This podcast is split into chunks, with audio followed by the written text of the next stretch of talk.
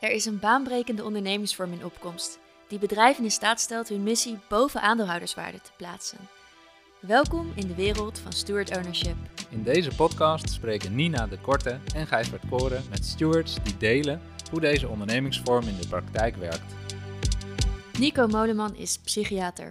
In 2013 richtte hij Buurtzorg T op, samen met Jos de Blok, die je misschien wel kent van thuiszorgorganisatie Buurtzorg.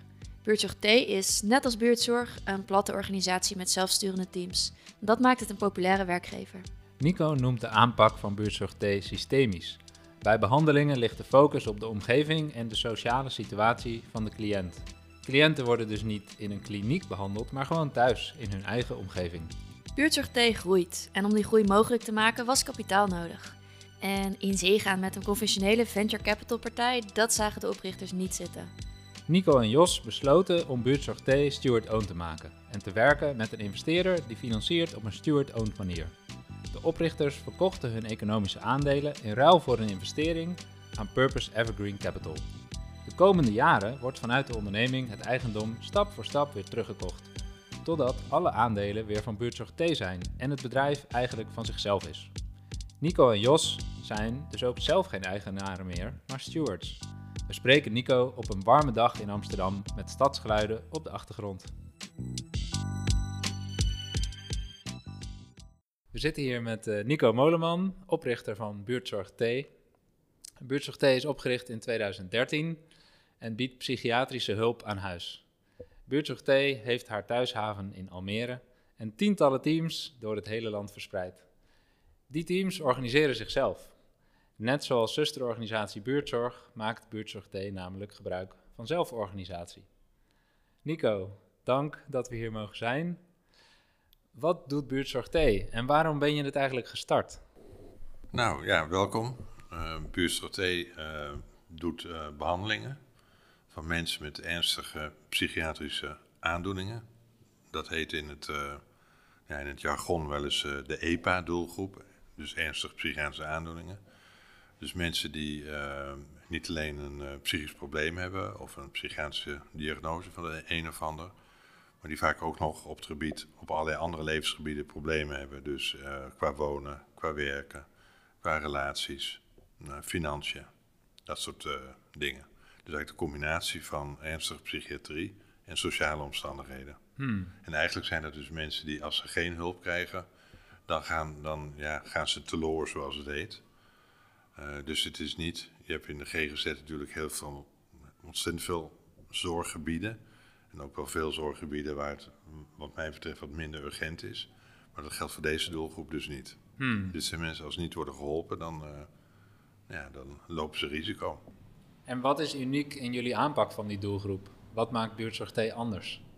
Nou, wat wij eigenlijk anders doen, um, vergeleken andere GGZ-organisaties, is dat we mensen thuis uh, behandelen en thuis bezoeken. En daar staat ook de T voor. Ja, zeg maar van ja. Hij heeft, hij heeft ook gestaan voor toekomst. En hij heeft ook, ook gestaan voor therapie. Maar thuis is wel een hele goede. De buurtzorg uh, T met de T van thuis. Dus wij denken dat je uh, eigenlijk herstellen het beste kan plaatsvinden in de omgeving van mensen zelf, in eigen omgeving. Um, er komt bij dat de doelgroep die wij behandelen, zijn ook mensen die vaak, ja, als je ze uitnodigt om polykliniek, dan komen ze vaak niet aan. Want dan moeten ze, ja, dan moet je, weet ik, dan moet je zelf goed aan kunnen kleden, moet je met openbaar voer kunnen reizen, moet je van alles kunnen om überhaupt aan te komen. En deze, vaak zijn mensen ja, toch ja, wat in isolement geraakt en lukt dat dus niet. Dus het is dan ook nodig om ze thuis te zien. En het voordeel is dat je meteen ziet wat de hulpbronnen zijn en wie je bij een behandeling kan betrekken. Dus we werken heel erg, in tegenstelling tot de rest van de GGZ, met, met het sociale systeem van de mensen. Dus met de buurt, met de buren, alles wat er beschikbaar is, betrekken we bij de behandeling. Hmm. Dus je behandelt ook niet in isolement, je behandelt in iemands sociale context. En ja. letterlijk thuis bij iemand. Ja. ja. We zeggen ook wel, dus eigenlijk is sociale herstel belangrijker dan symptoomherstel. Hmm. Want iemand kan wel heel erg van zijn symptomen afraken met een behandeling. Maar ja, als er aan de thuissituatie helemaal niets verandert, dan gaat het alsnog mis meestal. Dat is overigens ook vaak wat gebeurt met opnames. Hè. Mensen worden opgenomen. verblijven, weet ik, een maand tot maanden in een psychiatrisch ziekenhuis.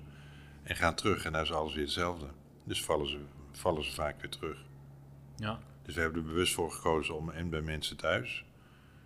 En ja, dat heet dan systemisch te werken, hè, dus met betrokkenheid van het systeem. En jullie doen dat op een unieke manier. Jullie zijn namelijk, maken gebruik van zelforganisatie. Waarom en hoe werkt dat? De meeste, ja, hoe zou ik, hoe zou ik daar mee beginnen? De, de meeste zorgorganisaties zijn hiërarchisch georganiseerd. Dus die hebben een, een dus een piramidestructuur. Um, en als je mensen in de omgeving wilt behandelen, dan zit vaak die piramidestructuur dat in de weg. Wat je vaak ziet is dat hoe een organisatie dus denkt over zichzelf en hoe die georganiseerd is, bepaalt ook in hoge mate hoe er behandeld wordt.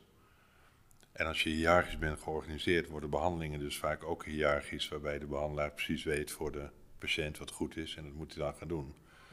Maar als je dus op basis van zelfsturing en gelijkwaardigheid bent georganiseerd, dan is, werkt het ook door in je behandelingen. Dus dan krijg je een ander type behandelrelaties. Dus dat is een van de redenen geweest om aan zelfsturing te denken, omdat je dan als het ware, je wilt als het ware dat die behandelprocessen ja, parallel lopen aan je organisatieprocessen. En bovendien klagen heel veel professionals in de zorg over uh, management. En dat is ook wat, wat er misgaat in de zorg. En zeker ook in de GGZ, dat eigenlijk besturen en managementlagen voortdurend bepalen hoe behandelingen eruit moeten zien. Terwijl de mensen, ja, de professionals vanuit hun vakmanschap, die kunnen dat natuurlijk heel goed zelf bedenken. Ja, en dus ook bij een piramideorganisatie misschien wel hogere administratieve lasten voor de mensen op de vloer. Dat scheelt gigantisch. Ja. Dus de, de gemiddelde GGZ-organisatie, ja, omdat er, nou, om oneerbiedig te zeggen, gangen vol managers zitten die van alles bedenken hè, voor, de, voor de teams. Ehm, nou ja, zie je eigenlijk een soort administratieve belasting van zorgverleners van rond de 20, 25 procent. Wauw, dat is enorm. Ja, van, van, tijd. Van, al het werk. Ja. En bij ons is dat ongeveer 5 procent, dus dat is een gigantisch verschil. En nog los daarvan hebben grote GGZ-organisaties, zeg maar de oude, de categorie oude organisaties, die hebben nou ja, stafafdelingen, uh, heel veel beleidsmedewerkers, dus heel veel overhead. Ligt die overhead ook rond de 25 procent en dat is bij ons ook 5 procent. Hmm. Dus van alle tijd die je, die je beschikbaar hebt, kunnen wij veel meer tijd aan behandelen besteden. Ja, oké. En kun je ook iets meer vertellen over de oprichting? Want jij bent medeoprichter. Um, hoe heb je het bedrijf opgericht? Ja, was, uh, het idee ontstond, ik meen in 2012, 2013 inderdaad, dat het concreter werd. En dat was eigenlijk toen uh, Jos de Blok en ik mhm. elkaar ontmoetten. Uh, hij liep ook over ideeën in de GGZ en hoe zou je dat op een andere manier kunnen doen. Net zoals hij dat eigenlijk met buurtzorg heeft gedaan. In de thuiszorg. En ik liep er ook en ik liep ook na te denken over, want daarvoor was ik betrokken bij een andere organisatie, maar ik liep na te denken over hoe kun je nou nog systemischer behandelen, dus nog meer bij men, dicht bij mensen. Nou ja, dan is het logisch dat je dan zegt, nou, bij mensen thuis. En toen zaten we over te praten en toen merkten we eigenlijk dat dat uh, systemisch werken en die zelfsturing heel goed bij elkaar passen. En toen dacht ik, nou, dan gaan we dat samen opzetten. Gaaf. Ja. Ja. En toen uh, is het bedrijf best wel snel gegroeid. Jullie zitten nu op iets van 300 medewerkers. Ja, we zitten nu op 60 uh, eh, teams. Dus het gaat hard. Ja, ja. En er komt elk jaar de 30 tot 40 procent uh, aan nieuwe mensen bij. En ook als je met z'n tienen bent, is dat niet zo heel veel. Nee, er zijn drie mensen, maar als je met een paar honderd bent, dan gaat het opeens uh, wel hard. Dus ik denk dat we het snelst groeiende zorgbedrijf zijn in Nederland. Aan de ene kant ook wel tragisch. dat ja. dus er zoveel psychische zorg nodig is. Ja. Maar ja, die uh, wachtlijst, uh, dat, dat is natuurlijk nog erger. Dus die moet, je moet eigenlijk wel groeien om die mensen te kunnen dienen. Ja. Nou, wij zeggen altijd, we, we groeien alleen op plekken waar de GGZ niet zo goed georganiseerd is. Waar een soort van gat zit. Ja, we hebben dus niet een soort groeidoel op zich van dat we overal in het land verspreid willen zitten. Maar het is meer zo van als er ergens een behoefte is en er zijn mensen die dat willen oppakken, dan doen we dat. Ja. Maar we staan dus niet als bestuur bijvoorbeeld voor een kaart en je zegt van nou we moeten een landelijke dekking hebben of dat soort dingen. Op een gegeven moment eh, kwamen jullie in een soort van groeifase, een aantal jaar geleden. En dat is ook het moment dat jij in aanraking kwam met steward ownership. Kun je daar iets meer over vertellen? Ja, zeker. De, ehm, nou, ja, in de, even een korte intro. In de GGZ is zo. Ja, ook de somatiek is natuurlijk ook zo, maar nog veel explicieter in de GGZ dat je werkt met eh, DBC's, diagnostische behandelcombinaties. Eh, inmiddels is dat weer veranderd, maar dat is de afgelopen, nou, wat is het alweer, ik denk 15 jaar is dat zo geweest, ja. Eh, en dat betekent dus dat je een eh, behandeling doet bij iemand. En dat die pas aan het eind van de behandeling wordt vergoed door de verzekeraar als je de nota indi- indient. Ehm, dus dat betekent dat als je bijvoorbeeld een gemiddeld, nou, zeg even een gemiddeld behandelduur van een jaar hebt, in de praktijk iets korter, maar zeg even een jaar, dat je pas na een jaar al je notas betaald Ja, het is geen liquiditeitstekort. Ja, Ja. dus dat gaat natuurlijk mis. En zeker als je snel groeit. Nou, dat was bij ons het geval. Dus op een gegeven moment zei de bank, de bank is een hele Rabo, die is ook eh, heel erg geïnteresseerd in het model, ook voor de zorg overigens. Maar goed, dus die, maar de Rabobank die zei wel van ja, weet je, we, geloven heel erg in het model, die manier van werken van jullie. Maar eh, de, nou ja, de uitstaande eh, liquiditeit wordt wel heel erg groot zo langzamerhand. Dus wij zouden het wel prettig vinden als jullie ook wat meer eh, je eigen vermogen zouden kunnen versterken. Nou ja, dan, dan hoe ga je eigen mo- vermogen versterken? Dus als de bank dat zegt, dan zegt nou we willen best meer geld beschikbaar stellen voor groei. Dan moet je wel je eigen vermogen. Nou, dat betekent dus investeerder in de praktijk. Nou, toen hebben we met een groepje mensen hebben erover gebrainstormd hoe we dat zouden kunnen doen.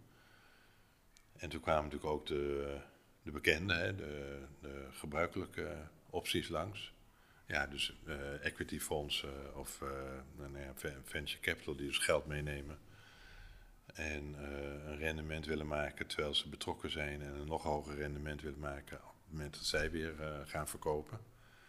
En toen dachten Jos en ik van ja, daar hebben we het niet allemaal niet voor bedacht. Dan weet je wel een beetje hoe het gaat. Ehm, er- was best wel wat belangstelling voor eh buurtzorg T vanuit verschillende andere hoeken. Ook vanuit het buitenland bijvoorbeeld. Ehm, maar goed, toen was ik dus in die periode ook in gesprek met eh, Armin. En toen dachten Jos en ik van ja, als ze nou eens Armin van eh, Purpose. van Purpose, ja. Toen dacht ik, ja, als ze nou... Zo van, hè, dus dat stewardmodel sprak ook ons erg aan.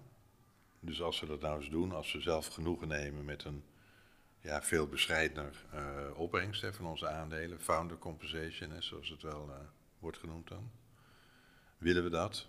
Eh, eh, maar, en dan kunnen we wel een situatie bereiken dat Buurtzorg T uiteindelijk ook zelf-owned wordt. Dus daar hebben we voor gekozen.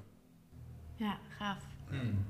Dus jullie als oprichters kunnen jullie ook, zoals de investeerders die eh, meedoen, kunnen jullie ook niet meer ten koste van het bedrijf. Eh, jullie kunnen het bedrijf niet verkopen. Het bedrijf Nee. wordt van zichzelf. Ja, nee, dat kan dus nu eigenlijk, en dat is, merk ik ook, ook wel weer geruststellend voor verzekeraars bijvoorbeeld. Er, er kan geen geld meer uit het bedrijf. We kunnen geen dividend uitkeren aan niemand, onszelf niet, want we hebben de eigendomsrechten niet meer. Ehm, dus al het geld wat in het bedrijf is, blijft in het bedrijf en komt ten goede aan de, nou ja, aan de doelen die we gesteld hebben. Ja. En waarom is dat geruststellend voor verzekeraars? Nou ja, als ik een groot deel van de, van de opbrengst. eh, en stel, we hebben nu een, eh, een, een, een volume van rond de 25 miljoen. Eh, stel dat je, niet nou 10, dat zou veel zijn, maar dat je 5% winst zou maken, dan zit je op 1,2,5 miljoen. Nou ja, dat is dus eh, dan voor beide aandeelhouders eh 6 ton en nog iets aan eh, dividend. En dat doen wij dus niet. Dus dat de verzekeraar die ziet, ziet niet het geld naar de aanhouders gaan. Hmm. En wat biedt dat de verzekeraar? Wordt het bedrijf daardoor stabieler door of eh Ja, goedkoper? Het of- is natuurlijk nog maar net, hè, dus Ja, we zijn het aan ja. het onderzoeken. ja. Het geeft al een soort rust over nou ja, dat geld in, voor de zorg bedoeld in de zorg blijft, zeg maar.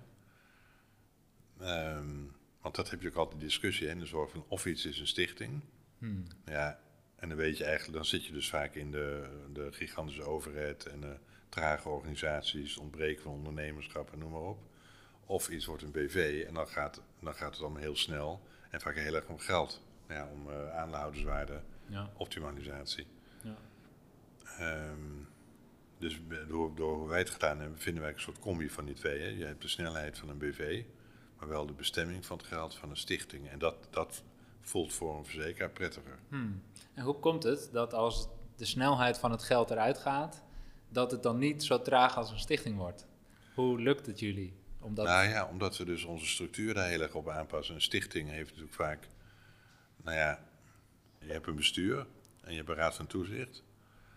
En de stichting is van zichzelf. Hmm. Eh, maar het is vaak onduidelijk ja, wat de belangen van het toezicht en van het bestuur zijn. Die kunnen elkaar ook behoorlijk in de weg zitten, ook qua benoemingen bijvoorbeeld. Dus als er dan eh, mensen tegen iets zijn, is het heel makkelijk om het allemaal tegen te houden. Dus daardoor worden er vaak hele trage organisaties die meer met zichzelf bezig zijn dan met, nou ja, waarvoor ze in de oorsprong zijn, eh, zijn opgericht.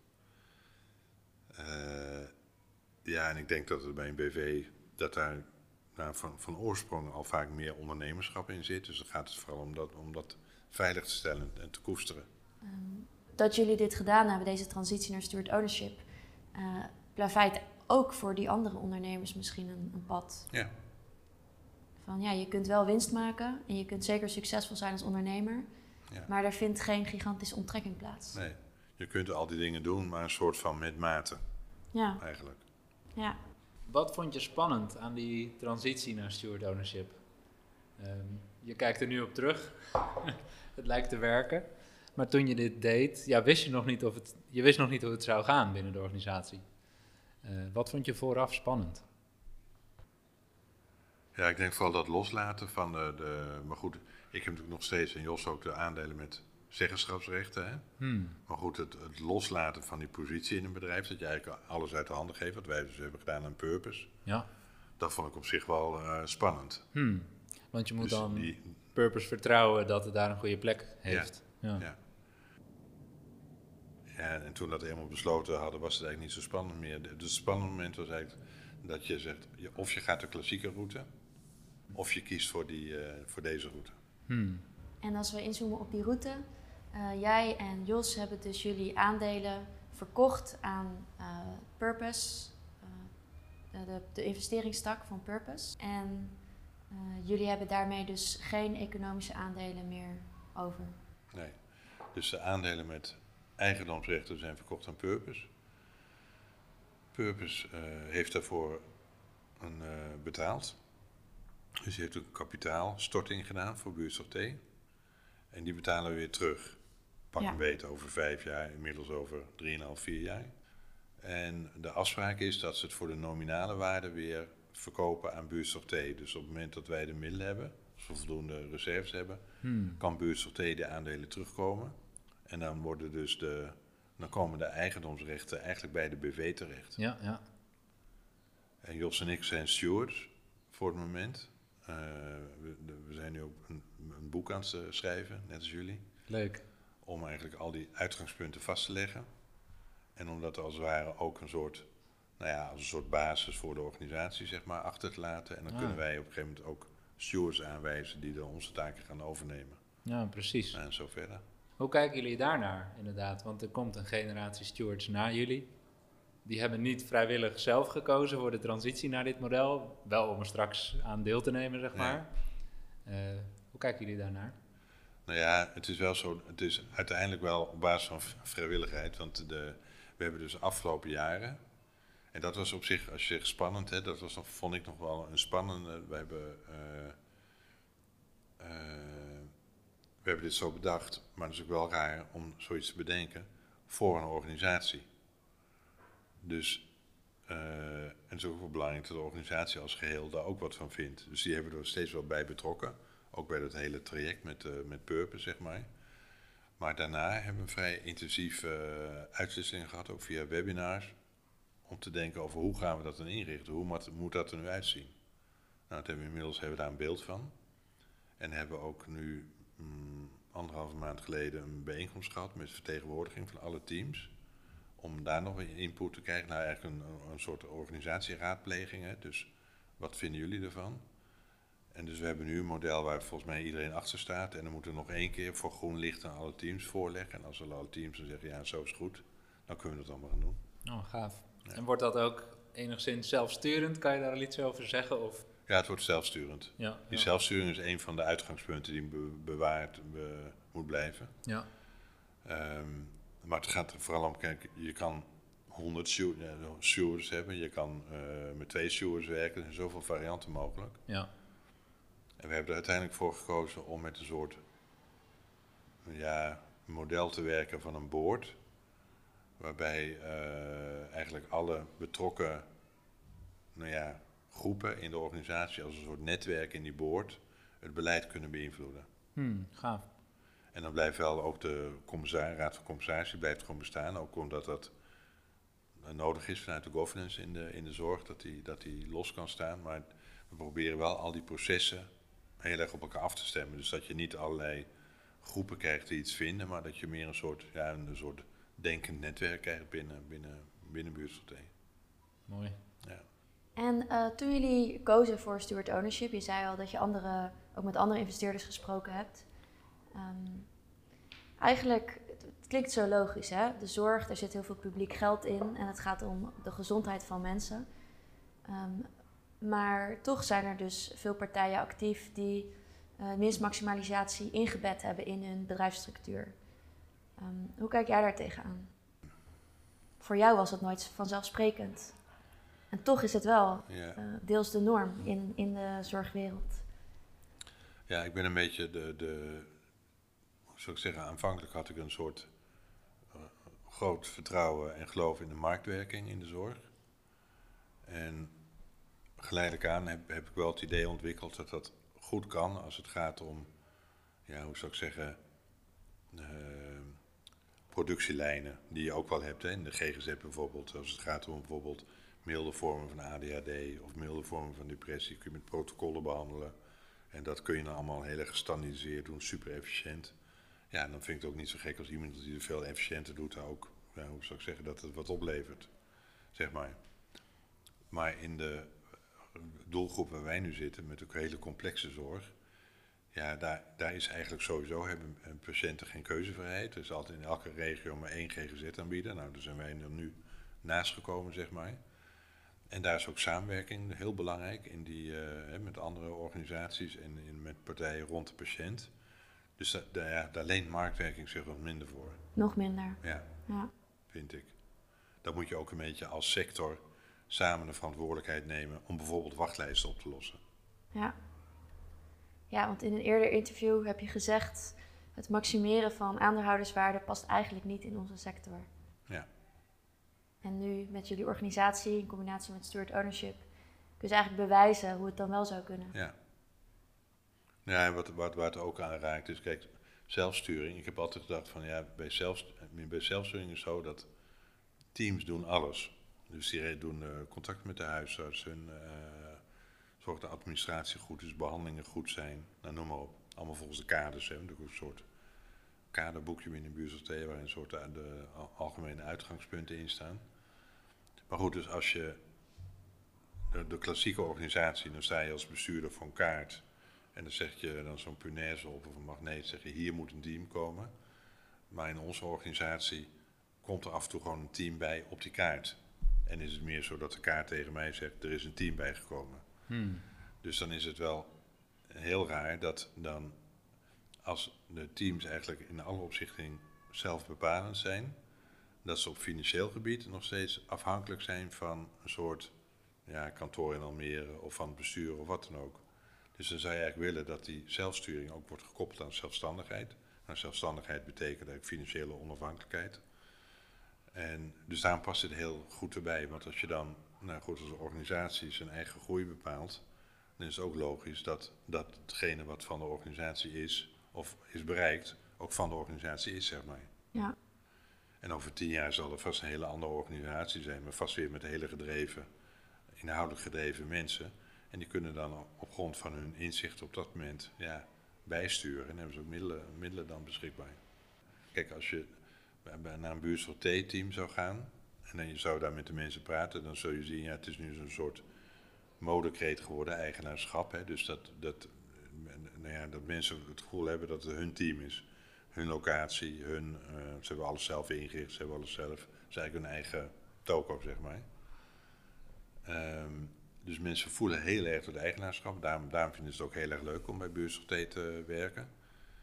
Maar de, dan is het wel raar als dan alle opbrengsten van hun eigen winkel overal naartoe gaan, behalve naar hun. Ja. Hmm. Dus ja, dat is ook dat. Dus dat maakt het in onze beleving maakte dat het als het ware de zelfsturing af. Door te combineren met uh, deze vorm van uh, zijn. Ze Ja. zeggen ook wel eens hè, zelfsturend, zelfbepalend uh, en zelfowned. Dat zijn eigenlijk alle dingen die je bij elkaar moet uh, hebben. Denk je dat, stel dat, dat de helft van de zorgorganisaties zo gestructureerd zou zijn. Denk je dat dat kan en welke, wat zou er dan gebeuren? Nou ja, dat zou jammer zijn voor ons. ja, want het is jullie USP op dit moment. Ja. Ja. Kijk, wij, wij, doordat wij dus eh, zeg maar, het vakmanschap zo hoog waarderen van mensen en de professionele autonomie, dat hoort ook bij de zelfsturing, hebben wij uh, veel meer sollicitanten dan dat we vacatures hebben, bijvoorbeeld voor psychiaters. Nou, psychiaters zijn er, is een gigantisch tekort, overal. Dus die komen er veel naar buurtzorg T toe, omdat ze dan weten dat ze weer vanuit de inhoud kunnen werken en niet vanuit nou ja, managementopdrachten. Dat ze aan het behandelen zijn en niet aan het produceren, dat is eigenlijk het verschil. En uh, dus als het overal gaat gebeuren, dan, uh, nou goed, dan wordt het overal interessant om te gaan werken. ja.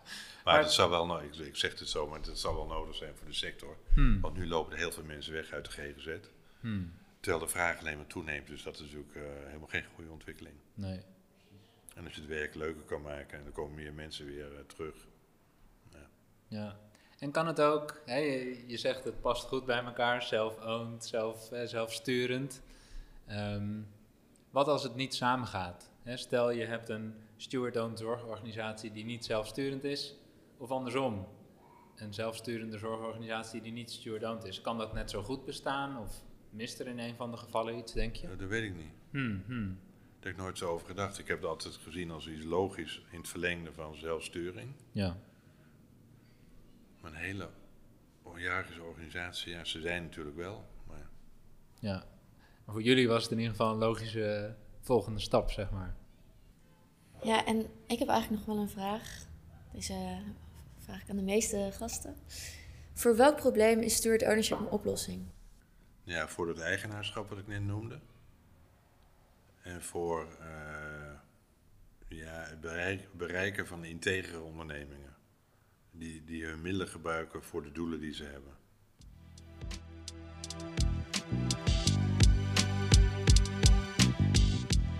Integere ondernemingen. Dat is het streven waard. Het verhaal van Buurtzorg T kan zorgondernemers, maar ook beleidsmakers en politici inspiratie bieden in hun zoektocht naar de ideale ondernemingsvorm voor de zorg. Het debat gaat vaak over een zwart-wit keuze tussen profit en non-profit ondernemen in de zorg, terwijl de oplossing juist in het midden lijkt te liggen. Nico is van mening dat er een rol is voor ondernemers in de zorg, mits je de prikkel van winstmaximalisatie eruit haalt. Met steward ownership kun je precies dat doen en houd je het beste van twee werelden over. Het innovatieve en wendbare van ondernemerschap en het dienende en menselijke van de zorg. Dit was de Steward Ownership Podcast met Nina de Korte en Gijsbert Koren. Heb je suggesties voor de podcast of wil je meer weten over Steward Ownership? Kijk op wearestewards.nl.